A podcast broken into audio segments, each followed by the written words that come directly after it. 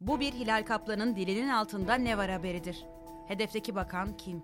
Berat Albayrak'ın TT olmasının haberle ilgisini, akaryakıt üzerinden alınan tüketim vergisi, ÖTV tutarlarında yapılan düzenlemeler, Cumhurbaşkanı Recep Tayyip Erdoğan'ın imzasıyla resmi gazetede yayımlanarak yürürlüğe girdi.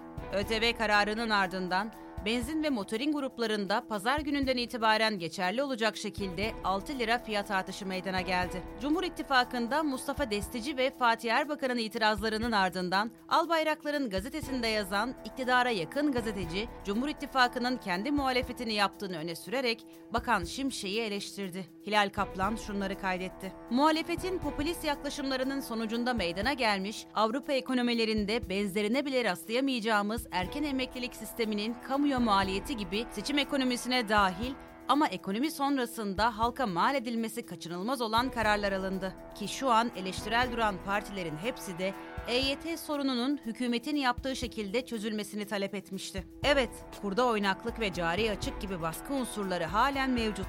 Bunların da gündelik ekonomiye büyük ölçüde yansıdığı faturalar var. Fakat sorun zenginden daha çok fakirden daha az vergi alınarak çözülebilir. Bugün Türkiye'nin en çok kar eden özel bankalarından özel şirketlerine ne kadar vergi alınmaktadır? Gelir vergisinde ve kurumlar vergisinde daha farklı bir düzenleme olamaz mı? Sabun lüks tüketim maddesi değilken KDV oranı %8'den %20'ye çıkarıldıysa gerçekten lüks olan tüketim başlıklarında daha çok vergi uygulaması adil olmaz mı? Ayrıca halktan kemer sıkması beklenirken kamuda da benzer bir tasarruf seferberliğinin başlatılması gerekmez mi? Artırılan vergiler ve faiz sisteminin ardından Hazine ve Maliye Eski Bakanı Berat Albayrak kararların açıklandığı 15 Temmuz günü Twitter'da trend topik oldu. Berat Albayrak'ın ekonomi modeliyle Mehmet Şimşek'in sistemi AKP içinde de çatışmaya sebep oldu.